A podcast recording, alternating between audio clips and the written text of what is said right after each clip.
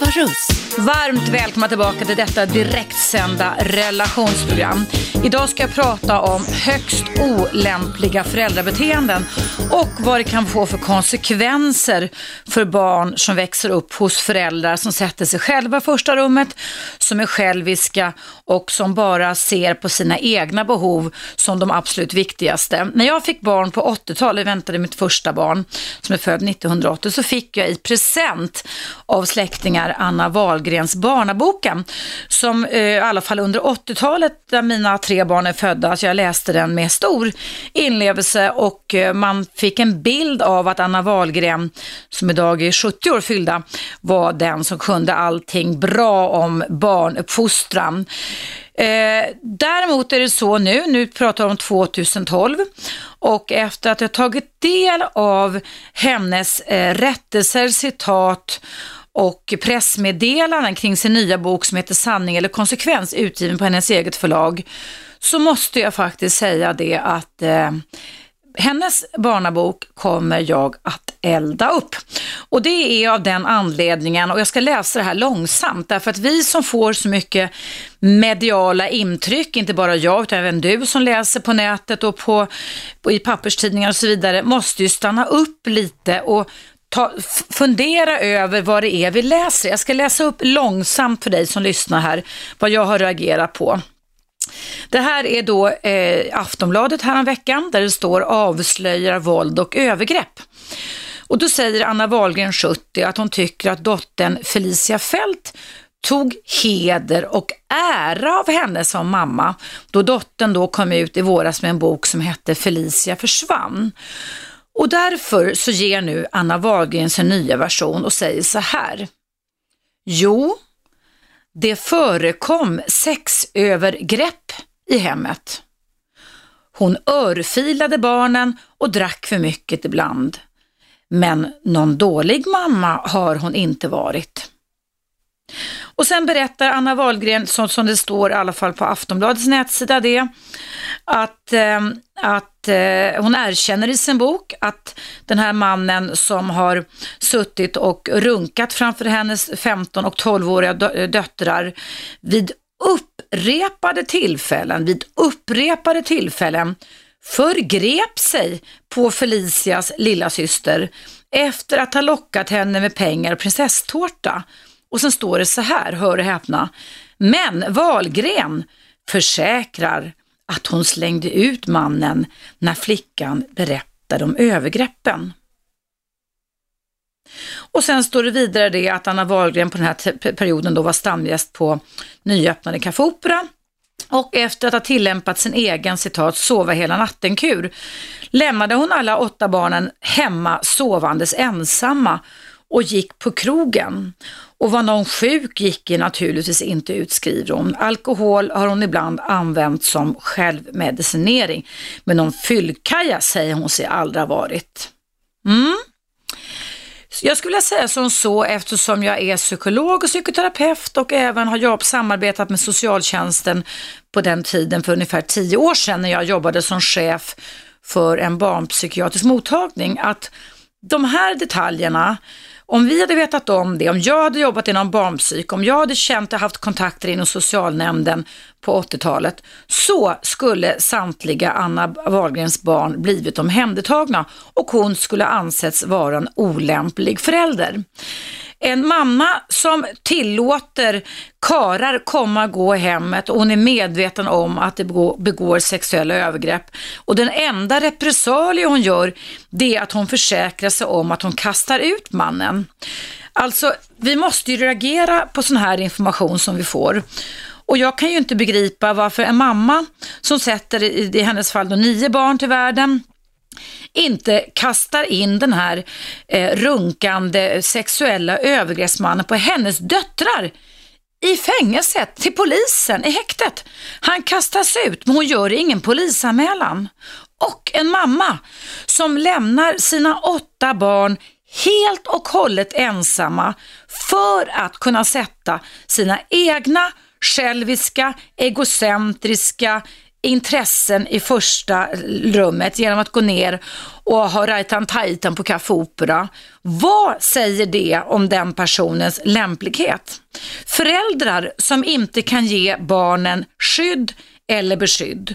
Och föräldrar som i eh, vuxen ålder, i mogen ålder, som man anser Anna Wahlgren var idag, 70 år gammal, som tar det som en personlig eh, vendetta mot sitt eget barn och gör allt vad hon kan för att försöka misskreditera och kämpa mot ett av sina barns subjektiva känslomässiga upplevelser och som går i polemik och hävdar att barnets upplevda sanning inte är den som gäller, utan att det är hennes egen sanning.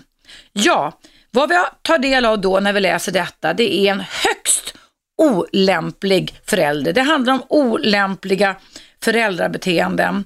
Och som sagt var, hade jag vetat om detta, att det här pågick inom hemmets lyckta dörrar hos Anna Wahlgren, när även mina barn var små och jag läste hennes barnaboken, då hade jag sett till att jag hade gjort en anmälan både till polis och till socialtjänst.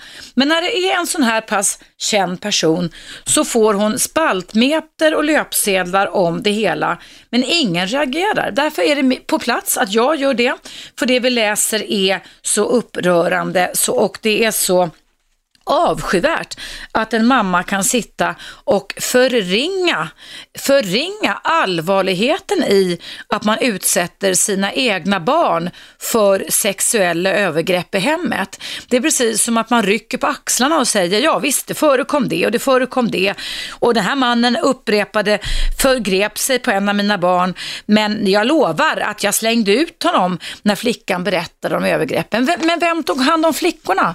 Gick Anna Wahlgren i psykoterapi, BUP fanns, eller PBU hette det på den tiden, fanns redan då. På vilket sätt har Anna Wahlgren tagit ansvar för barnens psykiska välbefinnande när hon idag 70 år gammal kan sitta och förringa det och nästan göra det till någon slags egen vendetta eller hämnd att gå emot ett av sina, skulle jag säga, skadade barns upplevelser, Felicia Fells upplevelser, där hon nästan med någon slags triumfatorisk statistik eh, slår ner på att flickan Felicia Fälts upplevelser av att hon flyttade 19 gånger Haha, det var inte 19 gånger, det var bara 16 gånger. Så att där kan Anna Wahlgren då försöka vara en, en uppfostrande mamma, där hon nu ska försöka klanka ner och bevisa hur fel hennes dotter är. Och det här är en typisk härskarteknik, skulle jag vilja säga, som människor genom århundraden har använt sig av för att, eh, för att försöka komma till rätta och komma undan framförallt sina egna till, tillkortakommanden. Eh, och där jag tycker att det här är extremt upprörande. Därför så handlar hela detta direktsända relationsprogram idag om just olämpliga och destruktiva föräldrabeteenden. Jag är övertygad om att långt där ute i Sveriges långa land, du som lyssnar just nu, vare sig du gör det i direktsändning eller via appen eller via datorn, ring in till mig. Nog har väl säkert du eller någon annan själv upplevt hur knasigt det blir och hur hemskt och dysfunktionellt det blir när man växer upp med en förälder som egentligen bara är intresserad av att bekräfta sig själv, leva ut sig själv och sina egna lustar och behov och därmed inte tar ett uns föräldraansvar för sina barn. Det här får oerhörda konsekvenser för barn som växer upp med sådana egocentriska och själviska föräldrar. Ring in till mig, numret är 0200 11 12 13. Jag ser att det ringer, fortsätt att ring på. Det här är extremt upprörande. Jag tar, jag tar er i pausen i, på tråden nu. Lägg inte på, vi hörs alldeles strax igen.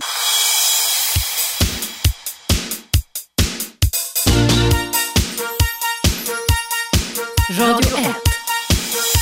Eva Russ. Varmt välkomna tillbaka. Idag pratar jag om högst olämpliga föräldrabeteende med anledning av att gurun, gudinnan Anna Wahlgren nu går till motangrepp mot sin egen dotter och hävdar att det är hennes sanning som gäller och lite sexuella övergrepp och lite lämna dem hemma och lite dricka för mycket, det var väl ingenting. Ungefär så i alla fall förmedlas det här i bland annat i Aftonbladet, min tidning och det får mig att reagera väldigt starkt. Som psykolog, psykoterapeut och även tidigare BUP-chef. Jag har två Lise på tråden, jag ska ta den andra Lise Lisa först om du första Lisa väntar lite. Hallå Lisa! Ja, hej. hej. Ni är två, två Lise på tråden, men jag tar dig okay. först. Hej. Ja. Kör. Ja. Eh, angående ditt eh, inlägg här nu om Anna Wahlgren så ska jag bara säga det om det var typiskt för den eh, tidsåldern att växa upp på 60-talet. Men vi var åtta barn mm. med en alkoholiserad mamma, en frånvarande pappa som mm. växte upp utan pengar, utan mat, ganska ofta, eh, ingen omvårdnad Um, karlar som sprang. Mm. Um, mycket torftiga förhållanden. Ändå har vi lyckats på något sätt. Uh, vi visste inte om vad vi var i. Nej, det gör vi oftast inte. Nej. Nej, utan sociala myndigheterna totalt inkompetenta. De gjorde några hembesök. Vi blev aldrig ifrågasatta och fruktansvärt. Alltså det här, det här har uh, hos oss då uh, naturligtvis har det gett eh, stora sår som är svåra att läka. Vad för sorts sår, Lisa? Ja. Kan, vad för sorts sår? Kan du berätta för lyssnarna vad, vad alltså, man får? Empati. Mm. Alltså, tänk att inte ha...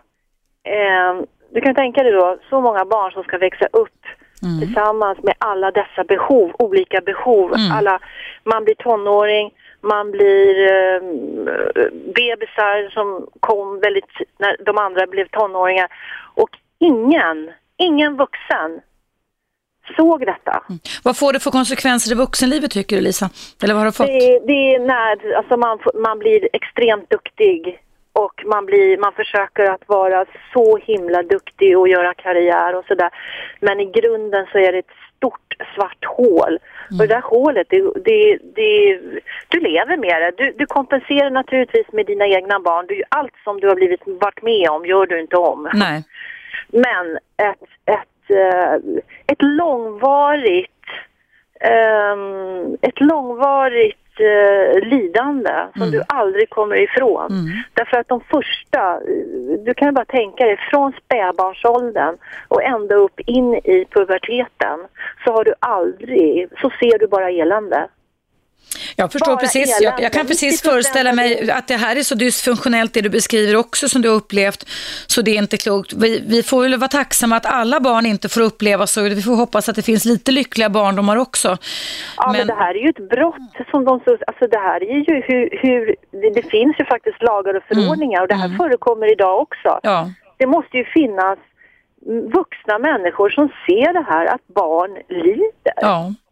Ja, jag tycker att beskrivningen som du hörde mig läsa upp här ifrån tidningen då, så som det gestaltas där, är ju hårresande måste jag säga. Um, alldeles ja, förskräckligt. Det här som Anna Wahlgren har då utsatt sina barn för, hon har ju förtäckt, min mamma var ju duktig att prata, hon pratar ju sig ur situationen. Mm. Det är ingen som tror att, att, att Anna Wahlgrens barn, hon skrev ju pedagog, pedagogiska oh ja. böcker. Oh ja. Och så kan man lura andra människor. Det har jag mött många gånger att det finns många personer som på ett sätt kan vara nästan lite dubbelpersonligheter. Så att på en procedurell nivå, alltså man kan, man kan prata, man kan skriva, man kan funka, man kan prata om hur man tyckte, om det önskvärda, önsketänkandet, hur saker och ting ska vara. Men på det känslomässiga planet så är man helt kass gentemot sin familj eller sin partner eller sina barn. Ja, men det, det, vara... fort, det fortsätter, det bara fortgår det här. Mm. Det är ju hur mycket fattiga barn, hur mycket torftiga miljöer som helst. Mm. Och det, skillnaderna blir bara större och större och större och mm. större. Mm. Så det här är ju, det här är ju, ett, alltså det, det, är, det är så fruktansvärt så att vi pratar om, eh, visst det finns många andra viktiga saker men det, alltså de barnen, alltså det finns föräldrar som inte tar ansvar. Det, mm. det, är fruktansvärt alltså. Det, mm totalt och det är ofta missbruk med i bilden. Mm, jo, ja men absolut, det är det ju och det verkar ju varit här med. Nu är inte jag någon alltså, vän eller så bekant med Anna Wahlgren, men hon är en offentlig person. Och jag kan tycka att, att det är extremt upprörande att sitta och säga att hon liksom normaliserar, jo det förekommer sexövergrepp och det förekom det. Och, men... Alltså det är så fruktansvärt, mm. det är så, det är så, mm. det är, de här barnen alltså jag förstår att den här Felicia Fält mår dåligt och har mått dåligt och jag kan förstå att det är kombination av både gener men egen individuell, individuell sårbarhet men också uppväxtmiljön som är ungefär 60 procent förutom generna som spelar stor roll. Och det värsta ett barn kan vara med om Lisa, det är när föräldrarna förnekar deras rätt att få beskriva sina upplevelser. Ja, det är ju, det är ju, det är bara det. Nu det är ett övergrepp. Det är ett övergrepp att göra på det sättet. Att ständigt gå på barnen och säga att det, ja, du, det du upplevde är inte sant, utan det är min sanning som gäller. Precis, och det var ju också vi, vi blev ju alltså både slagna, alltså det var fysisk misshandel, det var psykisk mm. misshandel. Och det här, det är någonting som det, det, är ju det som hon gör nu. Jag kommer också skriva en bok om det här mm. därför att jag tycker att det här, är, det här är ett stort brott. Alltså det är kriminellt att göra så här. Mm.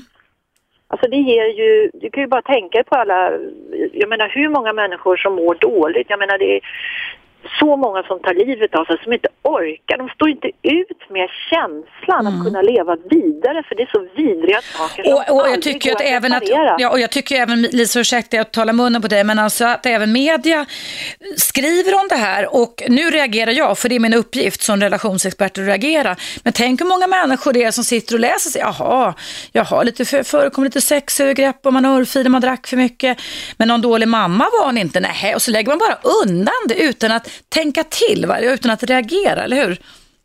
Och sen har du ju alkohol och kvinnor. Idag så sitter ju, det är ju boxkvinnor, alltså de mm. sitter ju med en box hemma. Mm. Och det går inte att vara lullig och ta hand om barn. Det Nej. funkar Nej. inte. Och den här vinkulturen, alltså vi, jag bor mitt i stan i city mm. och det är restauranger, jag ser fulla kvinnor måndag, tisdag, onsdag, torsdag, fredag, lördag, söndag. Mm. Och många vet jag har barn. Mm. Det är ju mm. så. Man, idag så lever man ju, man, lever ju i ett vakuum liksom. Det, det, är inredning och vita väggar som gäller och sköna soffor. Det är ju viktigare. Många är fruktansvärt bra föräldrar men vi har fruktansvärt dåliga föräldrar. Mm, också, och det gäller att kunna uppmärksamma det. Du Lisa, tack så jättemycket för att du engagerar dig i dagens ämne. Jag ska låta andra Lisa få komma Jajamän, lite till tals. Tusen tack, hej då, hej, hej. Nu ska vi låta andra Lisa få komma till tals. Hallå Lisa! Ja, hej, hej, välkommen. Hej. Eh, jag skulle vilja ta Anna Wahlgren eh, i försvar. Lite. Varför det? Varför? Därför att det är inte lätt att vara mamma i dagens samhälle. Det är ju allting är ju alltid mammas fel.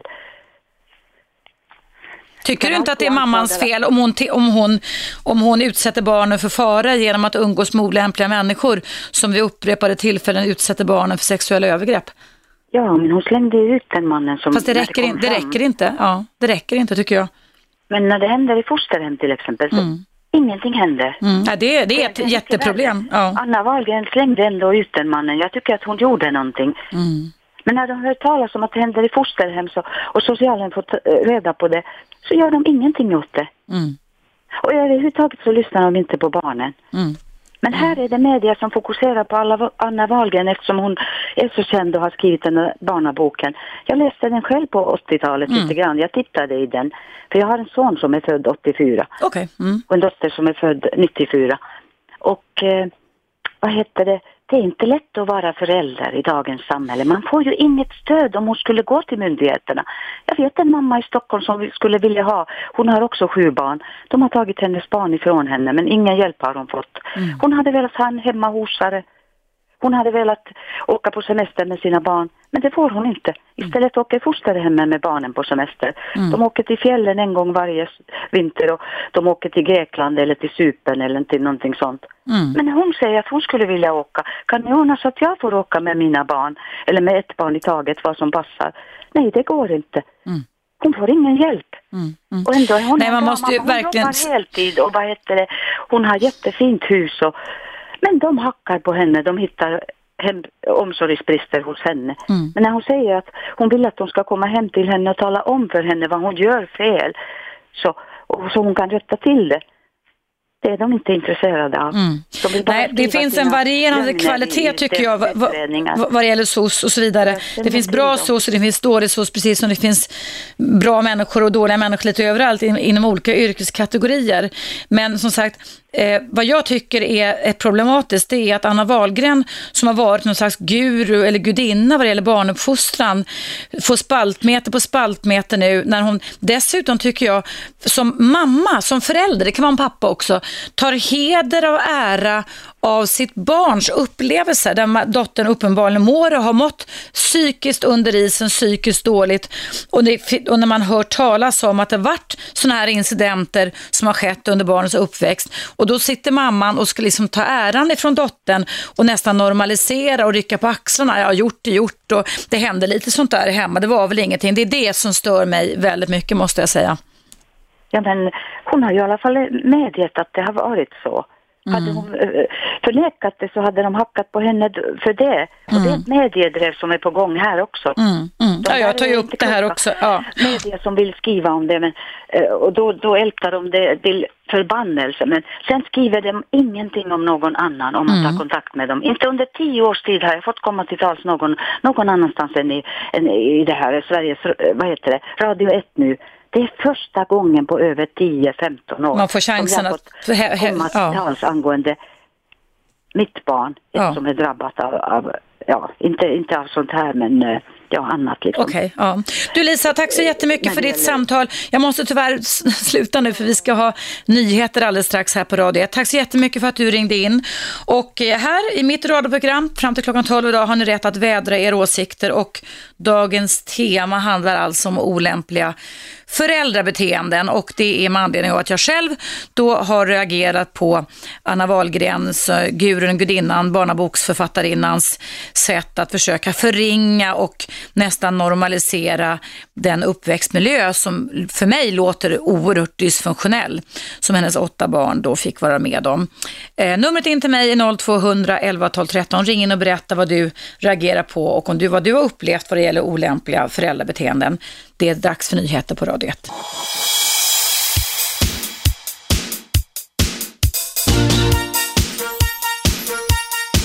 Radio 1. Eva Russ. Varmt välkomna tillbaka. Idag handlar mitt eh, direktsända program om olämpliga föräldrabeteenden. Felicia Fält som kom ut med en bok för ett halvår sedan skrevs, vars titel är Felicia försvann är dotter till Anna Wahlgren, Gurun och gudinnan med barnaboken som kom ut på 80-talet. Och Felicia Fält beskriver i sin bok Felicia försvann sin uppväxt som mörk och gränslös kantad av sprit och sex. Och hör och häpna, nu går då mamman i polemik med dottern men bekräftar att ja, det förekom en del sexuella övergrepp och det förekom sprit och så vidare, men inte var hon någon olämplig mamma eller inte och det får ju mig att gå igång lite. Även Jimmy tror jag. Hallå Jimmy! Hallå, hallå! Hej, vad väcker det här för tankar och känslor hos dig tycker du? Ja, jag blir mest förvånad för jag, jag kommer ihåg ganska kraftigt när, när, när hon, äh, hette Felicia dottern där mm. Eh, när hon gick ut med boken och så är det sju andra syskon, då blir min första, första tanke att ah, det är nog inte så farligt för det, de andra sju gick ju liksom på mammans sida lite mer. Mm. Eh, och så var ju hon även med i, i, i tv-program där hon idag hade en viss del kontakt med sin eh, mamma, vilket de hade skapat de senaste åren och sådär. Och, det, och, då, då, och då blir det så här, det här är en, en persons sanning. Eh, det det var nog inte så farligt och, och är man barn så kanske man ser det på ett annat sätt än så verkligheten är, är så att säga. Mm. Men nu, nu går hon ut och, och, och, för det första går hon ut och försvarar vilket jag undrar, vad är, vad är viktigast? Är det viktigast att eh, då rent, att tvätta sitt namn rent eller är det viktigast att behålla en bra relation med dottern? Bara där tycker jag liksom är, även om dottern har 100% fel så hade jag liksom ändå låtit det vara för det är viktigare mm. att behålla det. Eh, men sen går hon ut och erkänner att ja, till vissa delar så, så hade hon rätt, men de är inte så farliga. Och då, då undrar jag lite vem man har pratat med när man, när man tycker att de delarna inte är så farliga. Eh, att man till exempel inte polisanmäler en eh, pedofil tycker jag är liksom Ja, upprepade tillfällen står det enligt citat att Anna Wahlgren har erkänt att samme man vid upprepade tillfällen förgrep sig på Felicias lilla syster. Men då, då försäkrar hon att hon slängde ut mannen när flickan berättade om övergreppen. Ja, Herregud. Själv ska man fundera på om det ska vara liksom, om, om det ska vara att straffen borde bli tio gånger hårdare för alla sorts eh, barnaövergrepp så att säga. Och så slänger man ut. Alltså, lite konsekvenstänkande så har väl den, den där äckliga gubben gått och gjort samma sak till nästa familj. Alltså det, alltså, jag blir förvånad framförallt att hon, att hon skri, skriver en bok som, som jag, jag, tycker bara att den mer sätter henne i en ännu sämre sits på alla sätt. eh, en, en... Hade det varit en förlåt mig-bok eller jag hade åtta barn, jag hann inte med eller något sånt där, Exakt, kunnat köpa exakt. det. Det tycker, jag- det tycker jag med Jimmy, jag håller verkligen med dig där. Därför att då kan man ju skriva så här, jag är hemskt ledsen för att eran barndom blev på det här sättet. Alltså att man både validerar och bekräftar. Så kan man säga, vi kan ha lite delvis olika uppfattningar och upplevelser va. Ja, men Men jag hade kunnat tvätta Ja. delvis. Alltså, Tycker jag också. Det vill Mm. säga att eh, jag, jag tycker inte att hon har rätt på den här punkten, men på den här punkten har jag Mm. rannsakat mig det här var... Alltså skriva en sån grej som att jag flyttar 16 gånger istället för 19, det är ju så jävla dumt. Att, att slå sitt barn i huvudet, liksom, att sitta då och plötsligt så ska hon vara en uppfostrande mamma och triumf, triumf, triumfera över dottern. Att du, haha, du räknar minsann fel, det var, inte, det var inte 19 gånger vi flyttade, det var bara 16. Bara 16 låter ju för mig otroligt mycket och det vet jag kan få oerhörda konsekvenser för många barn av att inte ha någon särskilt trygg plats som man kan återvända till. Det ständiga uppbrott kan få väldiga konsekvenser faktiskt. Men hon den där Felicia, hon hade, som jag förstod det så hade väl hon... Eh, hon hade väl en, en hel del problem med sina syskon för att de tyckte att det här var fel så att säga. Mm. Ehm, och det, det, det, var ju därför jag var så skeptisk när hennes bok kom så att säga. Mm. Eh, att det, det liksom, ja, någonstans så, så, så vinner majoriteten liksom. Men, men nu börjar det bli majoritet för henne tack vare Mm. mamman. Nej, jätte, jättekonstigt. Sen, sen eh, för mig, jag har tänkt mig i debatten mer eftersom för mig är inte hon särskilt känd. Alltså jag visste inte vem hon var. Nej.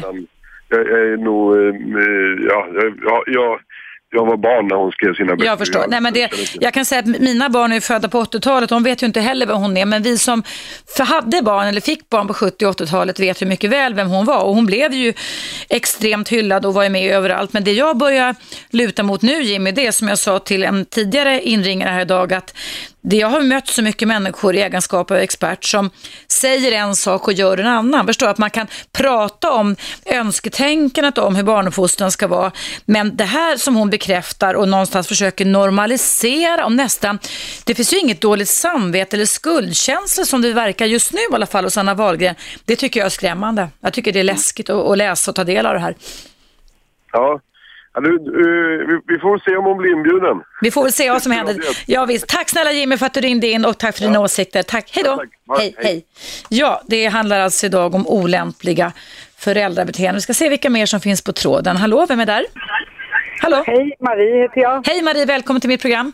Tack så mycket. Jag ska inte prata direkt om Anna Wahlgren utan överhuvudtaget, du sa olämpliga föräldrabeteenden. Mm. Och jag håller på jättemycket inom idrott. Mm. Och eh, de här nya generationerna av curlingföräldrar eh, avskyr jag för, framför, alltså för att de, de hjälp, kan inte tänka sig hjälpa till.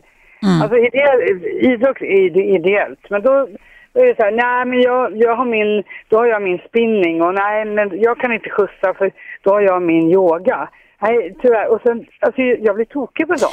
Vet, vi har blivit mer själviska som föräldrageneration, att vi sätter våra egna behov före andras så att säga, och Då barnens. får man över det på sina barn. Mm. Så att det är liksom, det är någon, blir någon slags kyla i hela samhället. Mm. Man liksom, mina barn är, bara, alltså jag tänker lite på Solsidan, Mickan och Fredrik och de. Mm. Alltså mina barn har inte löst.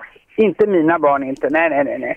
Och det här missriktade curling, att man tror att man gör någonting bra men istället ställer man inga krav utan man gör alltid som de säger. Mm. Eller som man själv vill bara. Jag, jag vet inte, jag är liksom, jag är lite drygt 50 så jag är liksom, jag har alltid varit liksom ideell, hjälpt till på idrottstävlingar och sen när mina barn idrottar. Det tycker jag liksom är självklarhet. Men de har liksom inte tid. Nej. Det är, antingen är det karriär eller så är det egen träning. Mm. Och det där tycker jag är jätte... Ja, det, det tycker jag också är ett, ett generellt, verkar kunna vara ett generellt problem att vi i, sätter barn till världen som vi sen inte kan prioritera på något sätt. Nej, och man pratar jättehögt så här i centrum och så. Åh, lilla gumman, åh vad du, kom till mamma, titta här får du se vilken fin leksak. Så hela, hela stan hör. Så, jag menar, måste, kan man inte liksom bara vara naturlig med sina barn, prata med dem om det mesta, vara med dem? Alltså jag har varit, alltid varit kompis med mina barn. Jag har ställt upp alla deras grejer utan att liksom stryka streck över mig själv. Men jag har alltid varit med, deltagit i dem. Nu är de 18 och 19, nu behöver jag liksom inte... Eh, nu är jag med dem, nu är vi vänner. Men liksom, jag har bara pratat, varit naturlig med mina ungar. De Mm. har blivit jättebra barn. Mm. Eh, Duktiga i idrott, duktiga i skolan och väldigt trevliga ungar. Mm. Eh, Jag vet inte, varför gör man det så jävla konstigt? Ursäkta svordomen, men varför gör man det så konstigt att uppfostra barn? Varför måste allt vara babysim och curling och, och allt sånt här? Vad, vad, har liksom hänt? Mm. Vad- kan man inte tänka bara logiskt? Att jag gör som jag känner är bra. Alltså, Ja, och vad som är bra för barn, det är ju faktiskt föräldrar som både mamma och pappa och, och de som står barnet närmast, som eh, visar empati, vill dela känslor och upplevelser, vill bekräfta barnet och vill skapa trygghet och beskydda barnet. Och det är det som jag tycker är problematiskt när det blir mer själviska föräldrabeteenden som styr barnens uppväxt än det här lite mer altruistiska, så att man bryr sig om barnen och sätter barnens behov i första centrum. Det det är en konstig trend som vi bevittnar just nu tycker jag. Ja, jag tycker det är jätteunderligt och jag tycker inte om den för att det, samhället blir ju bara kallare och kallare. Och man ser ju också på det här med barn då som växer upp och blir gäng och som inte har några, som är helt avskalade på känslor. Som inte bryr sig om de sticker en kniv i någon eller inte. Ja, ja. De känner ingenting för någon annan människa. Nej. Och brist på medkänsla är eh, anledning till eh, att, så, att samhällen monteras ner, skulle jag vilja säga. Att vi bråkar, krigar, förgör och förstör för varandra faktiskt. Det är en, det är en allvarlig brist, empatibrist. Ja, det var det jag ville säga. Tack snälla du för dina åsikter. Tusen tack. Hej då, hej hej. Hej då. Ja, kära lyssnare, det är dags för den här lilla pausen. Du lyssnar på Radio 1. Jag heter Eva Russ och det är direktsänt relationsprogram, frekvensen 101,9. Och temat idag handlar om olämpliga föräldrabeteenden. Vad har du upplevt kring det här? Vad tycker du om det? Eh, barnaboksförfattarinnan Anna Wahlgren eh, har gått ut och eh, på ett sätt som jag tycker att reagera starkt på eh, normaliserat övergrepp i hemmet, eh, eh, sprit och eh, ja, att man lämnar barnen vind för våg när man sätter sina egna behov av att gå på Café Opera Centrum. Det var några av hennes barns uppväxt under 80-talet och eh, hon hävdar då att hon är en bra eller var en bra mamma. Jag tycker faktiskt tvärtom. Numret är 0200 11 12 13.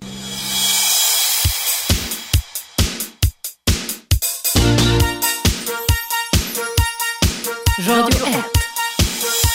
Eva Russ. Varmt välkomna tillbaka. Idag handlar mitt relationsprogram om, om olämpliga föräldrabeteenden med anledning av att Anna Wahlgren nu går ut och eh, går till motangrepp mot sin egen ganska vinklippta och skadade dotter Felicia Fälts version om sin egen uppväxt. Där faktiskt Anna Wahlgren som barnuppfostringsguru, vilket hon absolut inte är efter hennes uttalanden, i mina ögon i alla fall nu, menar på att ja, visst var det på det här sättet att det förekom sexuella övergrepp flera gånger i hemmet och för mycket fylla och så, men jag var en bra mamma ändå, hävdar hon och jag hävdar faktiskt motsatsen. Vad tycker Maj-Britt? Hallå Maj-Britt. Ja, hej. Hej. Jo, du, jag, jag hör på ditt program och jag blir så upprörd. Jag är gammal nu, men jag glömmer aldrig, aldrig hur min, min mammas bästa vän som bodde inte långt därifrån där vi bodde, jag bodde centralt på Fridhemsplan.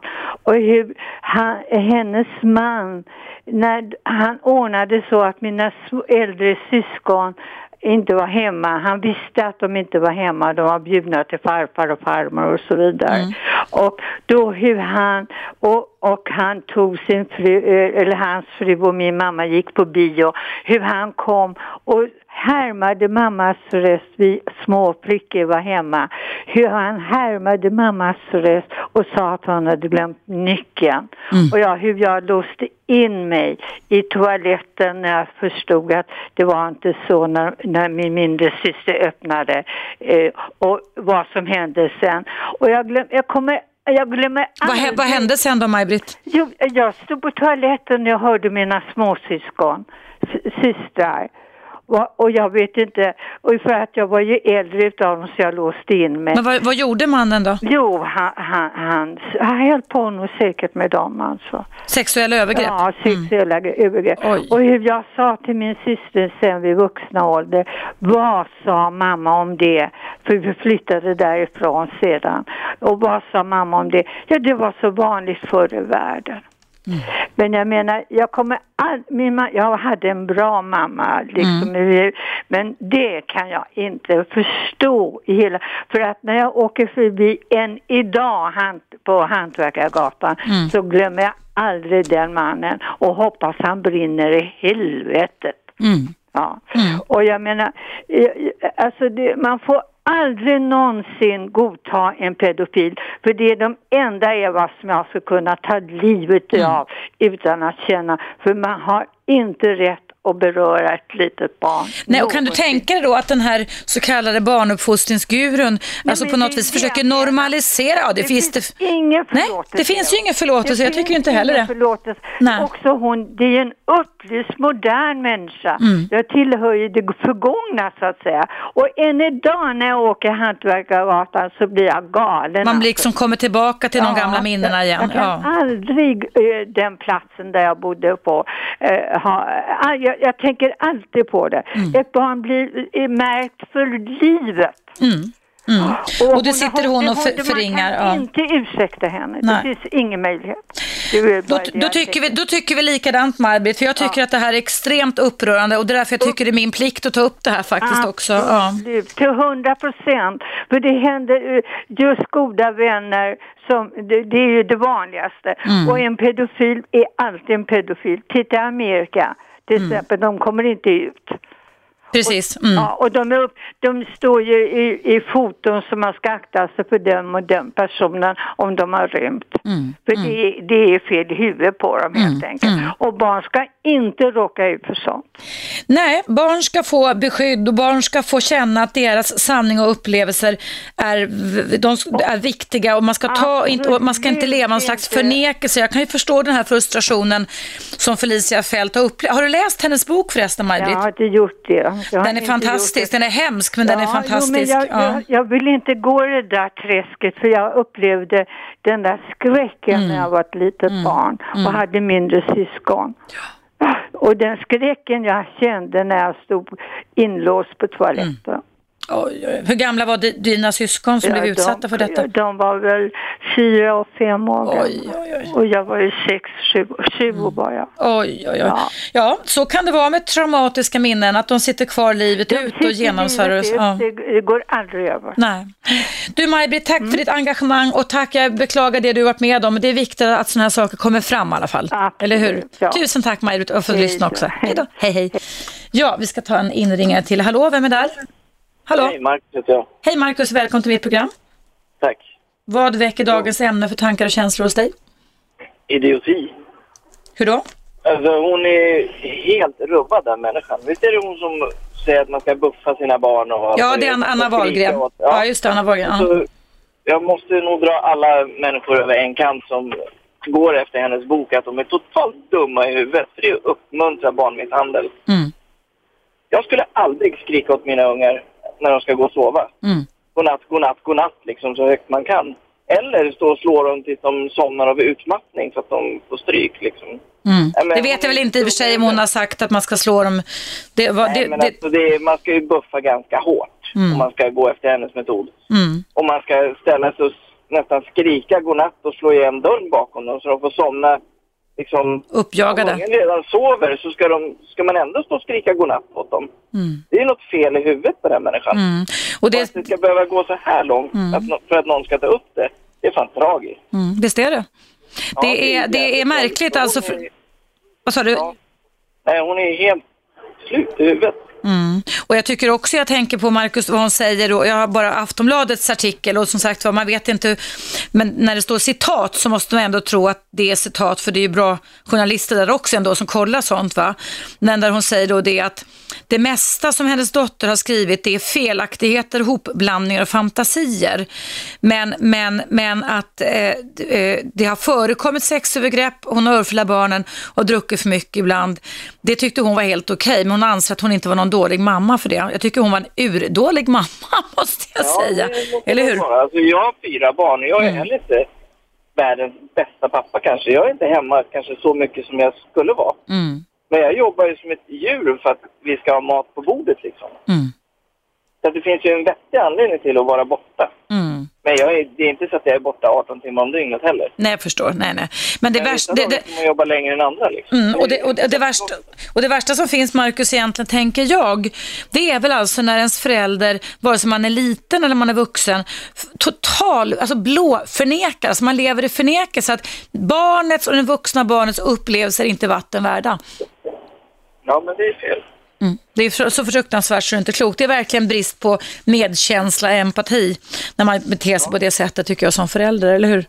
Ja, och jag vet kompisar till mig som går efter hennes böcker och säger åh, de är så bra. Jag menar, jag kan inte sätta det. Jag kan inte vara vän med en sån människa. Nej, det kan inte jag heller. Jag ska som sagt var elda upp barnaboken i eftermiddag i min öppna spis när jag kommer hem. Jag ska Ja, göra en ceremoni för att sätta punkt. Nu har inte jag tittat på den på jättemånga år, men jag, ska, jag, jag kommer inte ha den i min bokhylla efter de här uttalandena kan jag säga. Nej, Jag har varit... Jag ringde till dig en gång förut också. Det var Mm. någon som skrev någonting om att... Eh, om pappor och...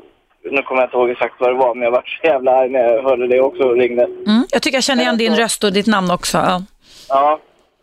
Nej, men då, jag, jag bara känner att jag, jag klarar inte att höra sånt. Nej, nej. nej, det är rätt. Jag, vet att jag inte är världens bästa människa själv, men...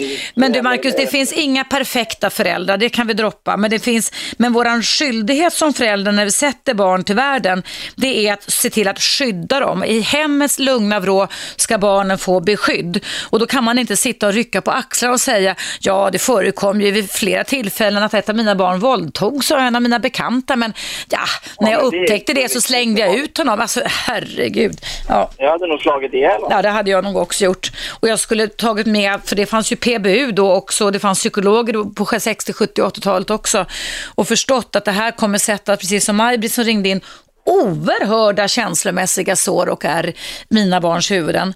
Men att man då bara öppnar vinare till och låter livet gå vidare och sen när barnen är vuxna och vill prata om sina fruktansvärda upplevelser så sitter man och förringar och förminskar barnen och säger att din sanning är inte sann för det är min sanning som gäller. Va?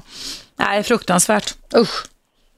Ja. Nej, så de som gillar hennes bok är förmodligen likadana själva. Så jag skulle inte vilja vara medlem i den familjen. Mm, nej. Du Marcus, tack för att du ringde in. Tack så jättemycket för att du lyssnade på Radio 1. Jag hoppas vi får höras längre fram också. Hej då så länge. Hej, hej.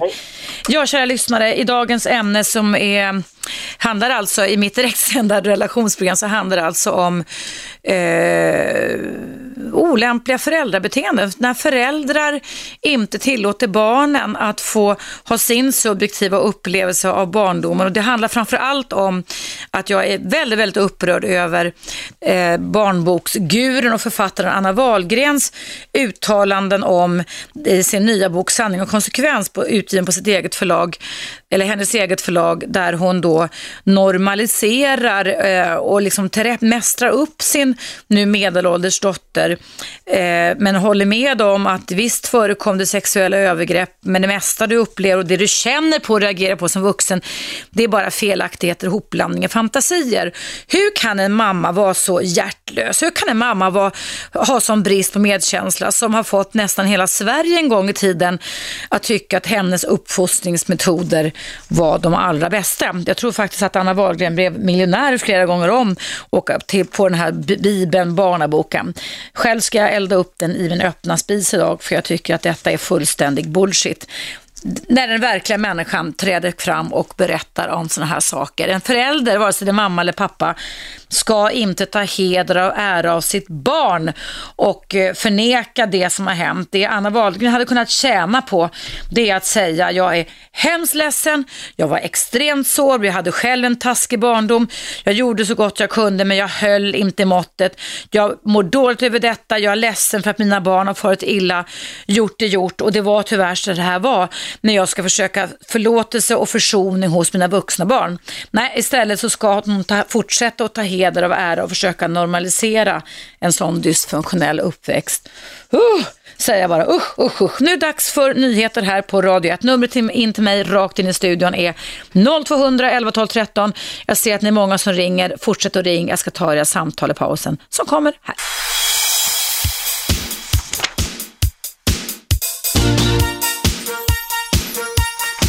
Radio 1. Eva Russ. Välkomna tillbaka. Det är direktsänt relationsprogram och dagens ämne handlar om olämpliga föräldrabeteende med anledning av att Anna Wahlgren, 70 år gammal, före detta skulle jag säga barnuppfostringsguru, nu eh, bekräftar eh, de subjektiva upplevelserna som hennes, en av hennes åtta barn, Felicia Fält, skrev om i våras i sin skakande barndomsskildring som hette då, eller heter Felicia försvann. Eh, jag blir extremt berörd och upprörd över detta, över att en vuxen kvinna, en vuxen mamma i det här fallet som heter som är Anna Wahlgren, kan sitta och mästra sin dotter och även någonstans rycka på axlarna och tycka att jag visst, det förekom både det ena och det andra och mina barn och mina flickor blev utsatta för övergrepp, men ja, men då slängde jag ju ut mannen. Puff var det problemet borta. Jag ska strax koppla in dig Lasse som sitter och väntar. Jag ska bara läsa upp ett jättekort mejl från Sandra. Eh, Sandra skriver så här, jag vill kommentera Jimmys uttalande. Jimmy ringde in här innan nyheterna. Apropå vuxna människors attityd till uttalanden som Felicia gjorde om sin uppväxt så är det precis det som är problemet för barn. Att resonera som så att bara för att det bara är ett barn av x antal syskon som vågar stå upp och säga emot betyder inte att man kan bagatellisera den upplevelsen. Det är förmodligen den som är starkast i syskonskaran som får stå upp för sin uppgörelse med föräldern. I dessa dysfunktionella familjer så utövas denna psykiska press hela tiden mot barnen. Att deras upplevelser är inte värda vatten och de ska inte uttala sig om sina upplevelser. Det är bra att veta för de som tror att det är väldigt enkelt att stå upp som barn mot sina föräldrar. Det krävs en enorm styrka i sig själv för att göra det som Felicia Fält gjorde. Tack Sandra för de raderna. Nu ska jag prata med Lasse. Hej Lasse! Hej Eva, hej. hej, hej. Ja, berätta för mig vad dagens ämne väcker för tankar hos dig. Ja, att guruns eh, gloria har nog hamnat ordentligt på sned här. då. Och eh, ja, och sen så kanske ja, lite för många barn som hon inte kunde hantera. Mm. Mm. Ja, så att eh, själv så får man ja, tänka vad har jag råd med, vad kan jag göra så att jag verkligen kan bry mig om ett barn eller två eller tre. Mm. Så att eh, det är väl klart att någonstans, ja, nej så, så känns det som att ja, ja, det var väl en bra affärsidé som hon hade som hon kunde försörja sig på. Mm. Och nu är det, och sen levde man på ett helt annat sätt Mm. än vad man, ja, än vad vi trodde. Ja.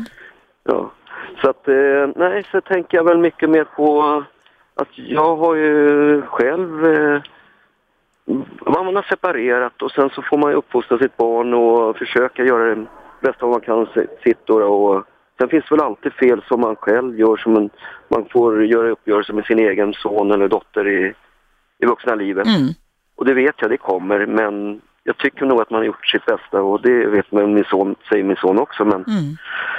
Så att alla måste göra sin uppgörelse med sina föräldrar. Hur gammal är din son Lasse?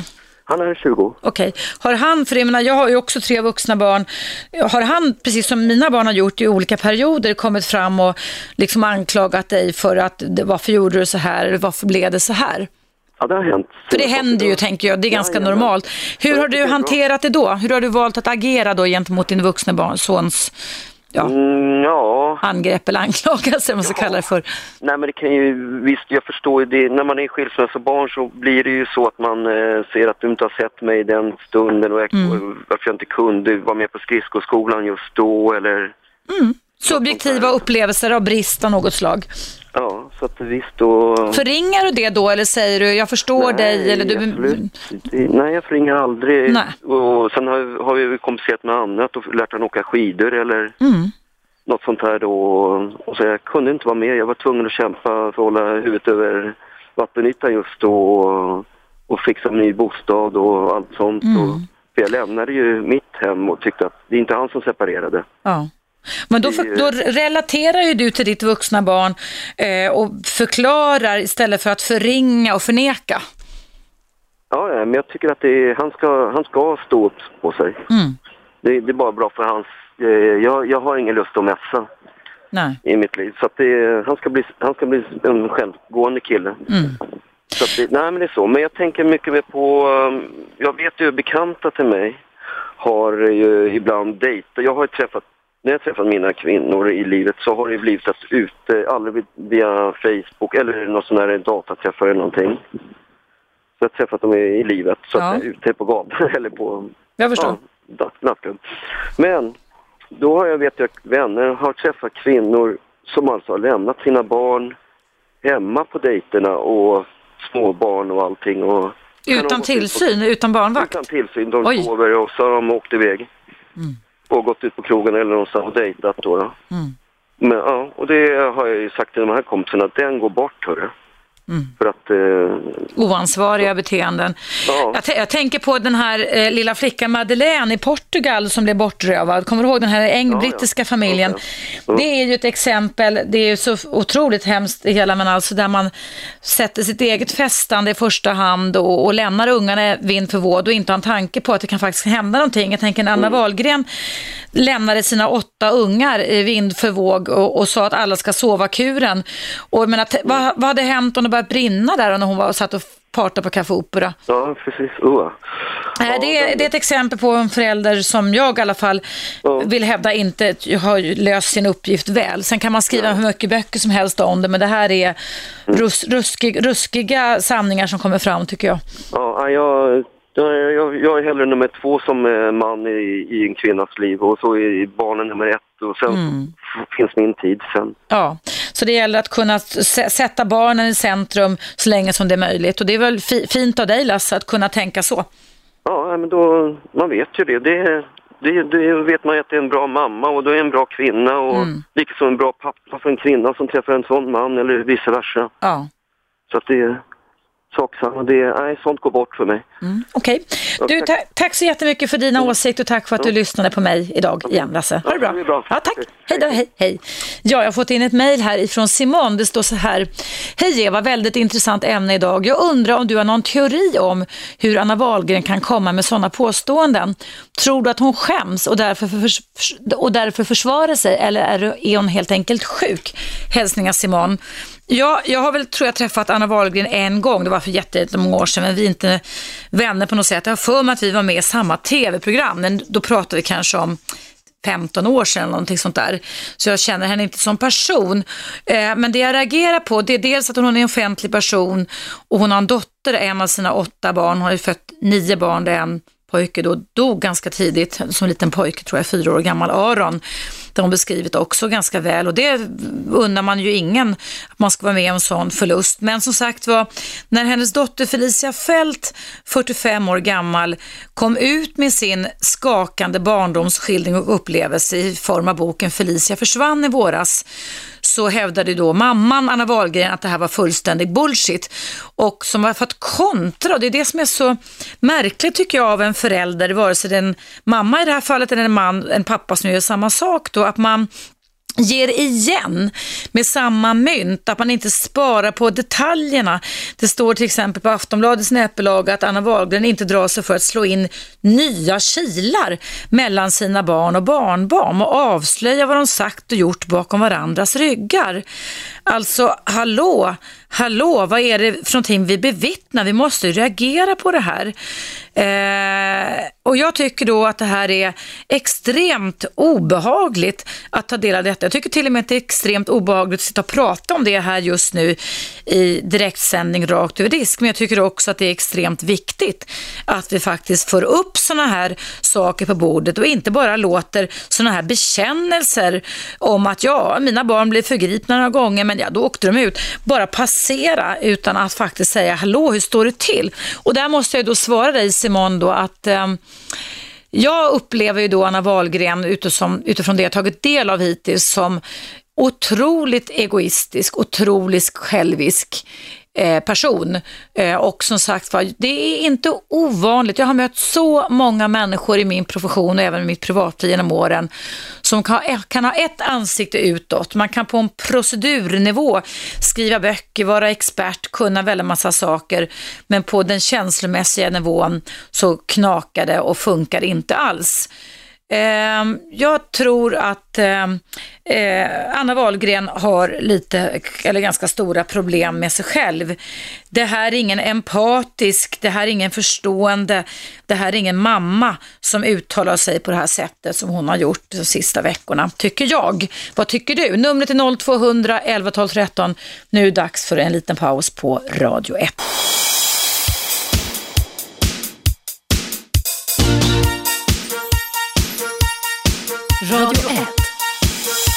Eva Russ. Varmt välkomna tillbaka. Det är direktsänt relationsprogram och dagens ämne handlar om olämpliga föräldrabeteenden. Finns det någonting som kan kränka ett barn mer än när föräldern förnekar och försöker pracka på barnet och säga att barnets tankar och känslor och faktiska upplevelser faktiskt inte stämmer. Det är min verklighet som stämmer, det är inte din verklighet. Vad säger du Martin om detta? Eh, jag tycker jag känner igen precis det du beskriver hon Anna Wahlgren här. Att hennes beteende är ju precis det som min mamma har. Vad gjorde din mamma? Jag var utsatt för övergrepp när jag var typ 9-10 år gammal tror jag var. Vad hände då? Jag var sommarbarn hos en familj som hade en son som var typ 15. Mm. Och han snaskade kotte på mig en hel jävla sommar. Mm. Och liksom hotade mig med stryk och allting. Och jag var ju liksom, ja 10 år kanske. Jag, på den tiden så hade vi inte internet och grejer så man visste inte ens vad sex var på den tiden. Mm. Eh, jag berättade även detta för min mamma och, eh, hon, ändå, och sen skulle jag vara där varannan helg, vet, så här, avlastningsfamilj eller vad fan det heter. Mm. Och jag fick åka dit varannan helg och fortsätta få toppen snaskat liksom. Vad, gjorde, vad gjorde den här pojken med dig då? Ja, han sög av mig alltså. Vad, hur pass mycket äldre mig. var han än dig då, som var tio? Eh, han var väl 15. Oj, oj, oj. Och sen, eh, sen så tog min, eh, ja, berättade jag det till slut för det, hans föräldrar då. Mm. Eh, ändå fick jag fortsätta åka dit. Hur, hur reagerade de då på att du berättade det här? Ja, jag, alltså jag kommer inte ihåg. Jag kommer ihåg att eh, vi var på väg till Tivoli i Köpenhamn och då, liksom, då vände vi från Tivoli i Köpenhamn. Vi var i bilen jag berättade det här. Mm. Han hotade ju mig med stryk, du vet. Allt Mm. det Ja, just det, för att hålla, hålla dig tyst så att Ja. säga. Mm. Exakt. Och sen så, så sen idag har jag fått veta att hans föräldrar hade ju snackat med mina, min morsa och gjort en uppgörelse med henne att de skulle lösa det här problemet. Mm. Och det har min mamma aldrig berättat för mig. Mm. Hon, för, hon förnekar ju allting hela tiden. Och hur ser er relation ut idag då, Martin, med tanke på de, de här ja, beteendena jag som vet. du känner igen och som gör dig upprörd? När min mamma dör så är jag den första som står och pissar på hennes grav kan jag berätta. Menar du det? Oj, Ja, det var ja, väldigt starka Ja. ord. Du, har en så Ja, dålig ja. relation till din mamma, Martin. Ja, det, det är nämligen inte slut där. Nej. Min mamma träffade nämligen sen en pojkvän också. Mm. Som var örlogskapten på en eh, militärbåt. Och eh, han var också en sån där jävla snuskgubbe. Jag var på hans båt och så började han talla mig på kuken och såna här grejer. Och då sa jag ifrån. Mm. Och min syster, även hon varit utsatt för någonting som inte hon än idag har berättat för mig. Så vart hon också utsatt för saker och ting utan den här jävla snuskgubben. Som er mamma valde att leva med, så att säga. Ja, ja som hon levde. Sen gjorde de slut. Men min mamma har alltid förnekat att det har hänt någonting. Mm. Men jag har alltså, det vart ju uppror hemma. Jag har inte bott hemma sedan jag var 12-13 år gammal alltså. Mm. Och eh, min mamma har förnekat hela tiden att det här har hänt. Och det är jag och mig är fel på, det är min syrra det är fel på. Mm. Ja, liksom, det är aldrig hänt. Deras, ja, Nej, det, det är så dag. den kända Anna- Wahlgren gör också, att hon förnekar och mästrar sin dotter som mår psykiskt dåligt över detta och Ja, hon även exakt. normaliserar och säger, ja lite övergrepp var, Ja, alltså, skedde ja, väl, men det är ju så upprörande så det är inte sant när man hör det. alltså, jag fattar inte att sådana människor får gå ute på gatan. Så det är Nej. helt- Och att, ing, inga fler än jag verkar reagera på det heller tycker jag är konstigare va? ja, ja, är vi det så blasé så vi bara läser, jag har lite övergrepp här, lite fylla, lämna barnen ensamma på nätterna. Det var väl inget? Mm. Men, nu, men nu ser man ju också det här beteendet då. Mm. Med Anna Wahlgren. Alltså, det är ju ett vanligt beteende hos de här människorna. De är ju sjuka de här individerna. Alltså. Mm. Jag, jag tror att, eller jag, vad jag har hört och vad, vad jag minns utan att känna henne på något sätt, det är att hon hade själv en väldigt erbarmelig barndom med sin pappa som var en stor byggmästare om jag inte minns fel. Och att, att eh, jag tror att jag tror inte hon hade någon kontakt med honom heller, så jag tror att tyvärr är det lite, förstår det sociala arvet att man kontrar och man knyter an och man knyter an och man skaffar ungar på ungar på ungar i hopp om att kanske den här oron, dåliga självkänslan, allting ska läka ju mer man bunkrar upp omkring sig. Förstår du vad jag menar? Men att det i själva verket blir tvärtom. Att man brister i tillsyn, man brister i empati, man brister i omvårdnad av sina egna barn och bara sätter sin egen ångest som man dämpar med alkohol i första rummet. Va? Ja, det är e- e- egoistiskt beteende de Ja, har. det är mycket egoistiskt beteende. Men du får fråga Martin, hur, hur gammal är du idag Martin? Eh, 39. 39. Har du fått någon psykiatrisk hjälp för de här övergreppen som du var utsatt för? Nix. Jag, Inte? jag gick, sökte själv när jag var typ 22-23 faktiskt. Då Mm. gick jag och pratade. För jag, jag ju väldigt svårt liksom, att låta någon tjej suga av mig. Mm, det kan jag förstå. Mm. när man börjar med sexuella livet. Då. Mm. Och, eh, då gick jag faktiskt och snackade med någon psykolog Ja. Några, några månader sedan. Och efter det så började jag faktiskt kunna låta tjejsuga om mig. Ja, ja, jag förstår. det är fortfarande ingen favorit om man säger så. Men Det behöver man ju inte ha. Man behöver ju inte ställa upp på allting som ens partner vill ha i sexlivet. Och är man en gång bränd så är det ju inget fel i att man kan fortsätta vara. Så det inte, såvida man inte blir handlingsförlamad och inte kan till exempel ha någon relation eller sex alls. nej, exakt. Lever du i Nej, någon det- relation nu då Martin? Ja, jag är gift och sådär. Vad bra, vad fint, vad bra. Det en fru som älskar mig. Ja, men alltså du, du umgås inte med din mamma alls då eller? Nej, ingenting. Alltså. Nej. Jag har ju en lillebror också som är 19 år nu. Mm. Och han skjuter, hon skjuter iväg honom också liksom. Alltså, hon har det beteendet liksom. Mm. De har inte heller någon bra relation. Jag hoppas verkligen att de ska lösa, för, för min lillebrors skull, då, att de löser det. Liksom. Var det med någon annan man då din mamma fick barn Ja. eller? Ja. Exakt. Men, Så men de har ju också en jättedålig relation. Liksom. De pratar inte med varandra hemma nu eller någonting. Och han vill ju flytta och han vill ju aldrig mer ha med dem att göra och sånt.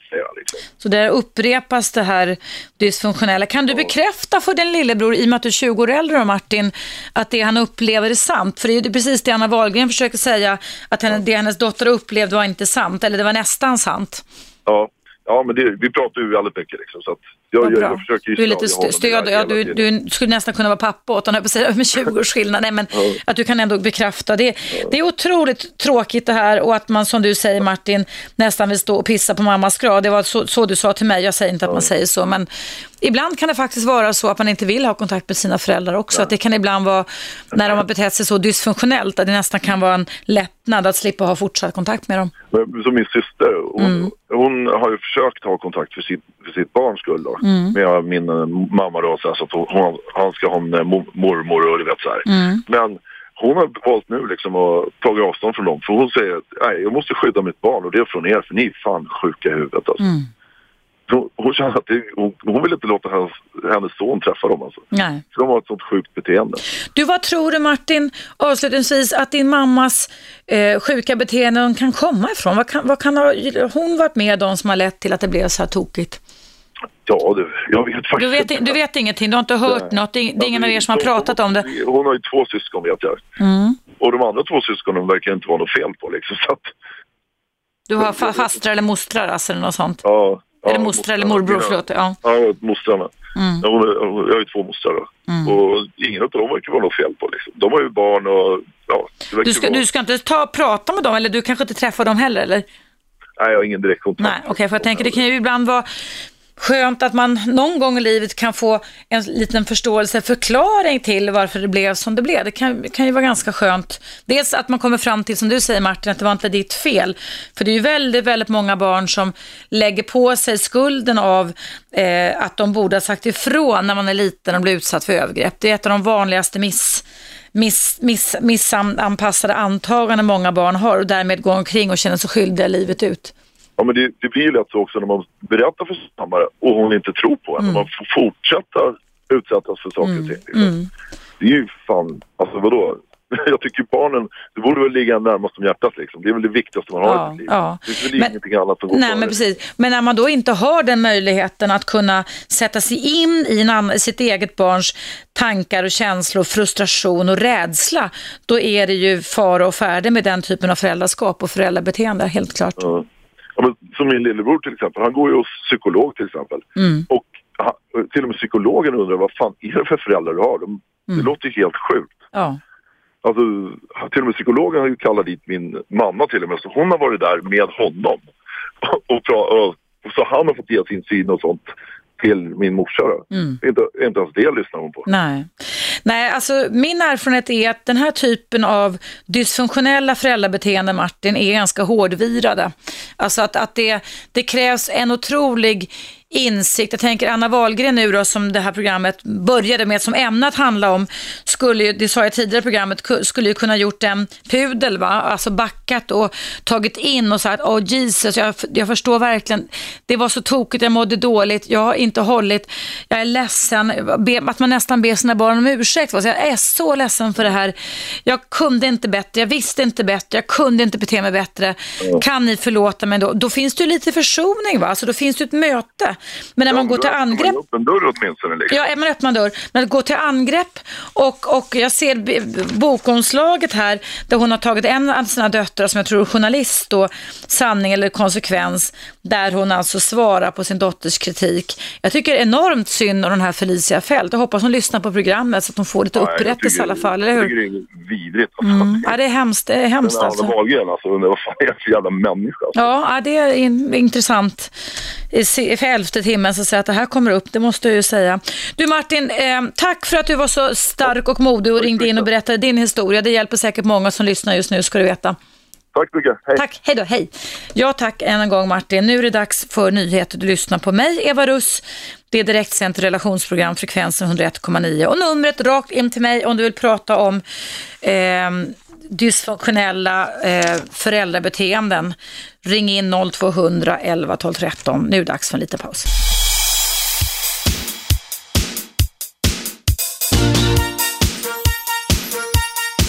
Radio 1. Eva Russ.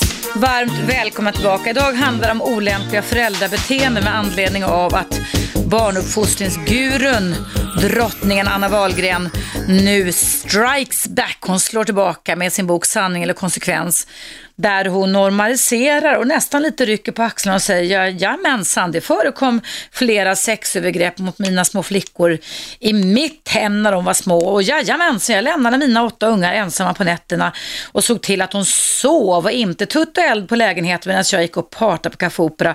Och jajamensan så hade jag självmedicinering i form av alkohol. Jag drack väldigt mycket alkohol men inte var jag en dålig mamma inte. Och nu när Anna Wahlgren är 70 år gammal så ska hon alltså slå tillbaka mot ett av sina biologiska barn, Felicia Fälts barndomsupplevelser genom att säga fy på dig, fy på sig, du får inte kritisera mig, jag, mamman, den stora välkända Anna Wahlgren. Jag tror att människor som resonerar på det sättet som hon verkar göra, i alla fall sånt som det förmedlas i media just nu, lider av en egentligen jättedålig självkänsla som man har varit tvungen att kompensera genom att bysta upp sig, genom att sätta sig själv och göra sig själv så extremt viktig så det är bara förälderns sanning som gäller. Barnen ska vara lakejer till den dominanta mamman och barnen ska anpassa sig efter mammans, eller pappans också för den delens, nycker. Eh, vad ett litet barn behöver ha, eller barn behöver ha rent generellt, vare sig det är u-länder eller västländer, det är ju givetvis beskydd. Ett barn ska känna sig beskyddat i sitt eget hem av sina båda vårdnadsgivare. Eh, ett barns känslor och behov ska ständigt bekräftas och valideras. Och eh, eh, visst kan man göra fel som förälder, det finns inga perfekta föräldrar. Jag är ingen perfekt förälder, men om jag nu som vuxen, vilket händer faktiskt, får kritik eller får bli ställd lite mot väggen när mina tre vuxna barn, kommer du ihåg mamma eller mamma du gjorde så här, så försöker jag ändå svara med att inte slå tillbaka utan att försöka komma ihåg och minnas och försöka sätta in det i ett sammanhang och förklara och, och, kanske erkänna eller be om förlåtelse. Det är inte lätt att vara förälder. Jag har också varit ensamstående nio år till tre småbarn när de var små. Det är inte så lätt att få hela livspusslet att funka. Men, men eh, när man å ena sidan då är en, som Anna Wahlgren är och har varit, en barnuppfostringsguru och å andra sidan verkar ha en, haft enorma brister och blottor i sitt sätt att hantera sina egna barn på. Där i alla fall bevisligen minst ett av dem har fallit jätteilla i detta och mår psykiskt väldigt, väldigt illa. Det behöver inte bara vara barndomen, man kan få psykisk ohälsa av andra saker med. Men när det finns konkreta, explicita, specifika beteenden. Jag har själv läst Felicia försvann, alltså boken som Felicia Fält skrev. Och den var enormt uppskakande och uppruskande. Och eh, även om det är så att vissa barn som vi föder och tar hand om kan vara lite extra sårbara än vad andra barn är så måste man ändå utgå från, eftersom Anna Wahlgren bekräftar detta, att de här barndomsupplevelserna som var alltså väldigt skakande och fasansfulla stämmer. Ja, herregud säger jag. Vad säger du som ringer här? Det är inte Gud hoppas jag. Vem pratar jag med? Det var ingen där, nej. Hörni, ring in. Numret är 0200 11 12 13 och berätta eller beskriv om er egen barndomsupplevelse. Man kan ju bli galen när man försöker ta upp med sina föräldrar om eh, någonting man upplevde som barn och det bara är den förälderns sanning som gäller. Det finns nog inget mer frustrerande när det inte finns någon form av möte. Nu ska vi se vem som ringer här. Hallå, vem är där? Hallå, vem finns på tråden? Hallå? Nej, men det är den här veckan. Hallå, vem är där? Hallå? Hallå, vem är där? Gabriel. Det hörs jättekonstigt ut. Ska vi se här. Nej, vi tar en liten paus här tror jag. Det var något knasigt här med växeln just nu. Jag tycker att vi gör så att jag tar en liten reklampaus. Lägg inte på du som är på tråden så ska jag se om jag kan få kontakt med dig under pausen som kommer här.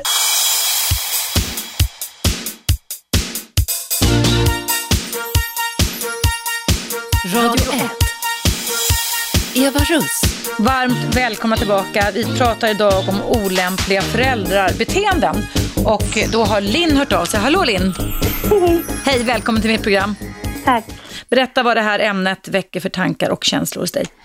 Eh, dels så eh, har jag en son som är född 2008 som hade väldigt problematik på grund av medicinska skäl. Mm. Eh, som jag försökte strida för i sjukvården och få hjälp då. Han hade slöa tarmar och allergier och sånt där.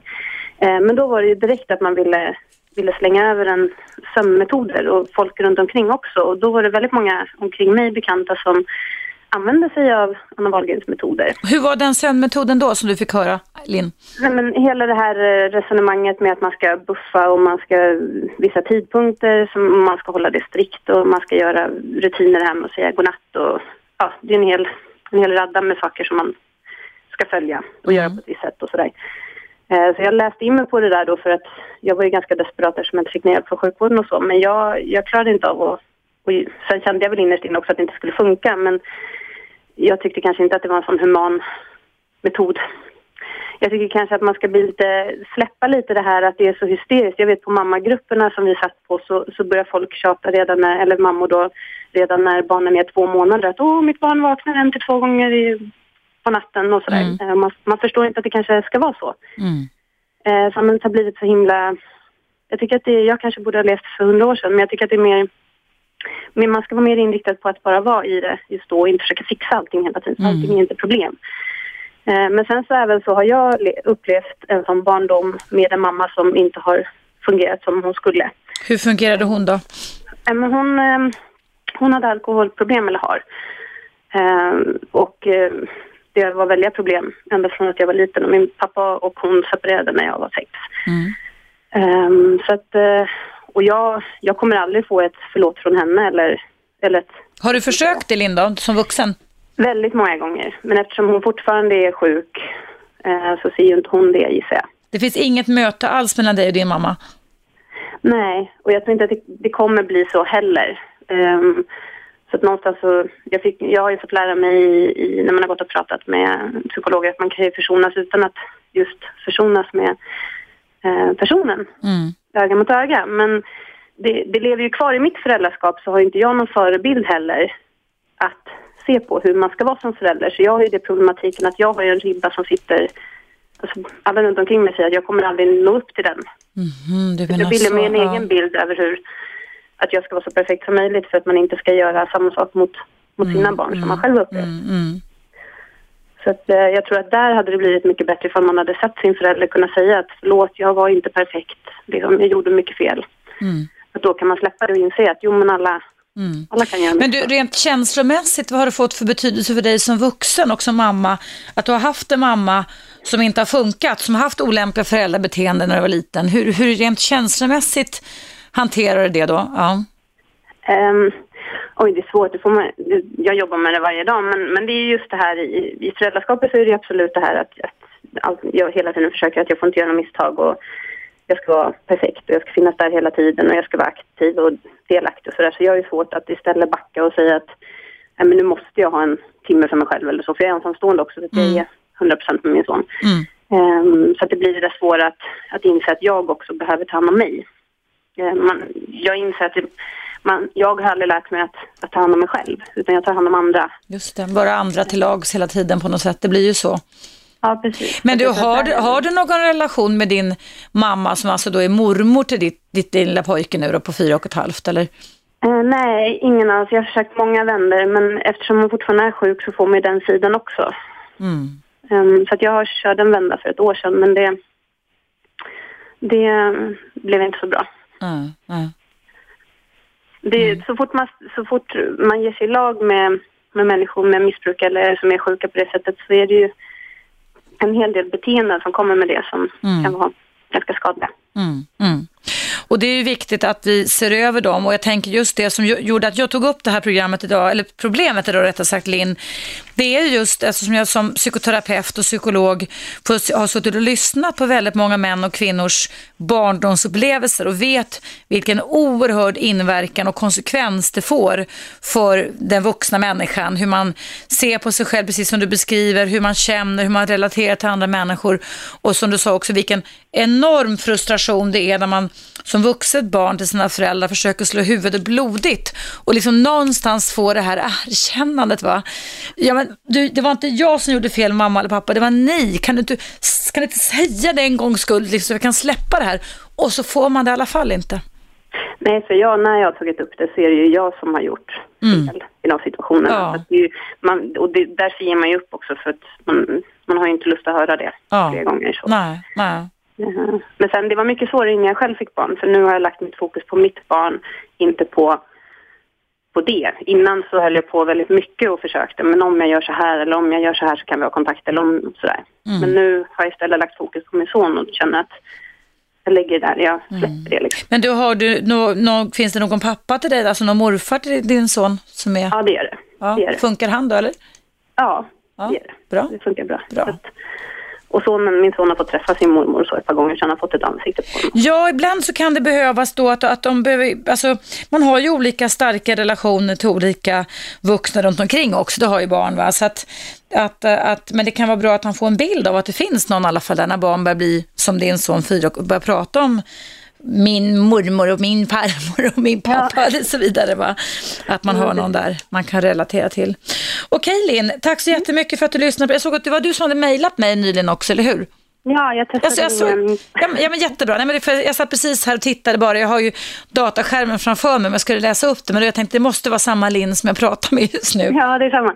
Toppen. Tack så jättemycket för att du engagerade och lyssnade på mig och ringde in till mig. Det var väldigt värdefullt in. Tack så mycket. Tusen tack. Ha det bra. Hej då. Hej. Ja, vi ska se vem, vilken inringare till vi kan få tag på. Hallå, vem är där? Finns det någon där? Nej. Då får ni pröva att ringa en gång till. Numret är 0200 11 12 13. Och jag tar, tar alltså som upp som ämne idag olämpliga föräldrabeteenden. Eh, om du kom in sent i programmet som är direktsänt så kan du alltid ikväll klockan 19.00 till 21.00 lyssna på detta program i repris. Du kan alltid när helst du vill lyssna på appen Radio 1 Ny och du kan alltid gå in på webben, alltså www.radio1.se och där finns då eh, mina Eva Russ program uppraddade så du kan lyssna på dem när det passar dig helt enkelt. Det är himla praktiskt och fiffigt. Nu ska vi se vilka som ringer in här. Hallå, vem finns på tråden? Hallå? Ja, Hej, välkommen. Vem pratar jag med? jag heter Maj-Britt. Jag också. He- heter du också Maj-Britt som förra Maj-Britt som ringde in? Ja, just det. Ja. Berätta vad du, vad, du tänker och känner inför dagens ämne. Ja, du, när jag var liten så bodde vi på ett ställe där vi blev räkta när mamma var med sitt tredje barn, min syster. Mm. Och eh, vi fick bo lite hur som helst. Sen flyttade vi till ett ställe, ett- ett bra ställe uppe i Huvudsta. Mm. Där alla hade samma möjligheter eller vad jag ska säga. Mm. Och så var det en farbror som jag tydligen hade känt sedan jag var nyfödd, fast det kommer inte jag ihåg. Han bodde i huset bredvid. Och han kom varje torsdag och han var så snäll. Och det, vi, vi var då tre flickor och en pojk. Och vi flickor, vi tyckte så mycket om honom, han var världsgullig och så vidare. Mm. Sen eh, var det så på den tiden, jag var i början på 40, jag är född 40, 47 var jag i skolan, så fick man ta med sig tidningar. Mm. Och då, då gick man och ringde på och frågade om de hade några tidningar. Så ringde jag på den där. Han bodde hemma hos sina föräldrar och sin bror. Där ringde jag på, för där brukar man få. Och då öppnade han den som jag ja, fick komma. Kom in du Maj-Britt, och, och ja, du vet när man är liten, jag var så ny, jag var åtta år ungefär då. Mm. Eh, Då är man ju väldigt nyfiken. Mm. Så jag satt i en stol där, en fåtölj han hade och bläddrade i en tidning. Och han låg på sängen. Och så sa han, kom hit ett tag Maj-Britt. Och man löd ju. Ja, visst. Och, och då hade han tagit fram den och sa att jag skulle röra vid den. Och då skrek jag, det får inte jag för min mamma. Mm. Och så sprang jag till dörren och gallskrek och då höll han för både näsa och mun. Åh, så jag kände att jag höll på att dog. Oj. Om du, inte slä, om du inte säger något så släpper jag dig, sa han. Men eh, vi bodde ju hus och hus bredvid varandra och det var en mur och på den var ett staket. Och fortare har nog inte en människa kommit över den där muren och det staketet och sprang in till mamma. Och eh, så kunde jag inte tala ordentligt för jag blev chockad. Och, Ja. Och så sa jag det att farbror Hasse, farbror Hasse, jag säger namnet för han lever inte. Och, och mamma var ju väldigt lugn då så talade jag om för mamma och då berättade jag det här på mitt sätt då. Mm. Och så kom pappa hem från jobbet och så sa nu har han varit på Maj-Britt.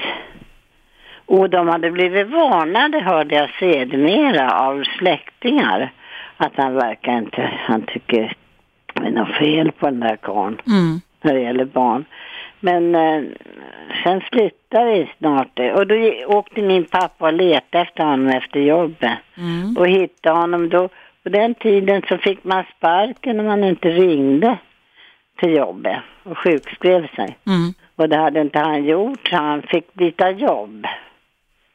Han fick söka ett annat Den här pedofilen som... Ja, just det. Ja.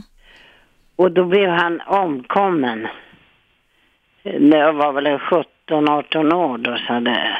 Han kom hem en gång där vi bodde då och så sa han, vad stor du har blivit. Så han, jag sprang ut fort, lika fort som jag hade sprungit hem då. Mm. Och jag var rädd för honom alltså. Men, men när din pappa sökte upp den här pedofilen som utsatte dig för ett... Försökte utsätta tog dig. med honom hem. Så pappa, pappa gick och hämtade den här farbror Hasse? Ja. Och vad hände sen då? Sen tog han med honom hem. Ja, och vad hände sen? Och, och då kröp jag under en soffa och gömde mig. Men varför tog pappa hem farbror Hasse som hade... Det, vet jag faktiskt inte. Så det var inte för att farbror Hasse skulle be dig om ursäkt eller något sånt om nej, Maj-Britt? nej, nej, nej, det där låtsades ingen om. Jaha, så att dina föräldrar förnekade att du hade varit utsatt för detta som du även inte- upplevde hot mot livet som liten flicka? Mm. Ja, och min farmor var där och hon började gapskratta åt mig för att jag var så hysterisk då. Mm. Och sen tyckte jag aldrig om. Men eh, när han omkom Mm. på sin moped på väg till jobbet så tog jag den skulden på mig. Att jag skulle inte ha sagt något. Du tänker att, att, det var, att när farbror Hasse dog tio år senare drygt då, så var det ditt fel att han dog menar du? Ja, för jag skulle ha hållit tyst. Mm. Men om pappa sa, han, jag ser hans fotspår utanför fönstret där jag låg då. Oj, oj, oj. Ja, men sen i alla fall så tänkte jag när pappa, jag var över 60 år säkert Mm. och på där i alla fall. Då tänkte jag ska tala med pappa om det där visste inte jag att han gjorde det så, sa han. Det hade han aldrig hört talas om. Det var en del andra saker som jag tog upp. Och jag är glad att jag tog upp, för jag visste inte det, Nej. att det var så. Då skulle jag ju inte ha tagit hem honom. Så det blev någon slags missförstånd där menar du då? Ja, det, för hans del. Inte för mig. Nej. Jag, jag har slutat tro nu Mm. mer eftersom jag är 72 år fyllda. Men du, Ma- Maj-Britt, får jag fråga en sak? Vad, eh, men den här farbror Hasse gjorde inga fler försök till att komma åt dig efter det här övergreppet mot dig? Nej, det gjorde han inte. Mm. Har, har, har du släppt tanken på det här lite magiska tänkandet som jag hörde sägas, som du hade som ung flicka, att det var ditt fel att han omkom?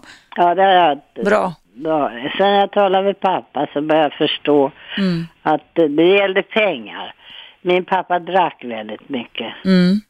Och min mamma handlade förresten så det fanns aldrig pengar för krydsa och allt.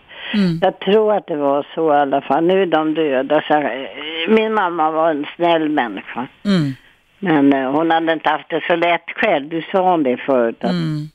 Men du, när du ändå kom hem avslutningsvis Maj-Britt och var så upprörd och som en åttaårig liten flicka, fick du någon tröst då?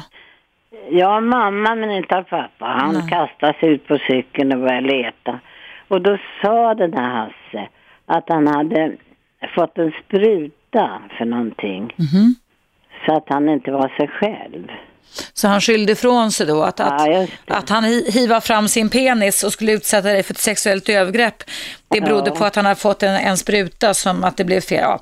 Det är också förnekelse och dumma ursäkter alltså för detta. Men jag tålde aldrig honom sen. Nej, det förstår jag. Men det är väl det mest normala beteendet du kunde utveckla, Maj-Britt, att inte tåla karn som hade Nej, men det- det mot dig. jag. Mm. Och, ja, det, det var i alla fall det jag ville. Jag tänkte på, hon hette Maj-Britt också, var, verkar vara ungefär i min Samma ålder, ja men precis som ringde Var in. det modernt? Jag tyckte hon sa det, att hennes mamma. Nej, jag vet inte riktigt. Nej, jag har aldrig hört någon väninna eller någonting. Nej, nej, nej. Men det är väl olika. Ja, det är olika. Du Maj-Britt, tack så jättemycket för att du var så strong och ringde in och tack för att Ja. du lyssnade på mitt program också. Ja, det uppskattar det jag väldigt mycket. Tack snälla du. Ja. Nu måste vi avrunda för dagen nämligen. Ja, Tusen tack. Ha det bra. Hej, hej. Hej. Ja, kära lyssnare och kära Maj-Britt och Maj-Britt 1 och Maj-Britt 2 och Jimmy och Linn och Lasse och alla vad ni heter och Martin som har ringt in här. Utan er så skulle det aldrig bli ett sånt händelserikt och späckat relationsprogram som det blev idag. Som sagt var, reprisen går klockan 19 och kväll. Imorgon är det dags för ett annat relationsämne. Tack och en stor kram till er alla som lyssnar på mig. Jag hoppas ni får en fortsatt bra dag. Och sen hoppas jag ju förstås på återhörande i morgonbitti klockan 10.00 igen. Hej då, ha det bra. 101,9 Radio 1. Sveriges nya pratradio.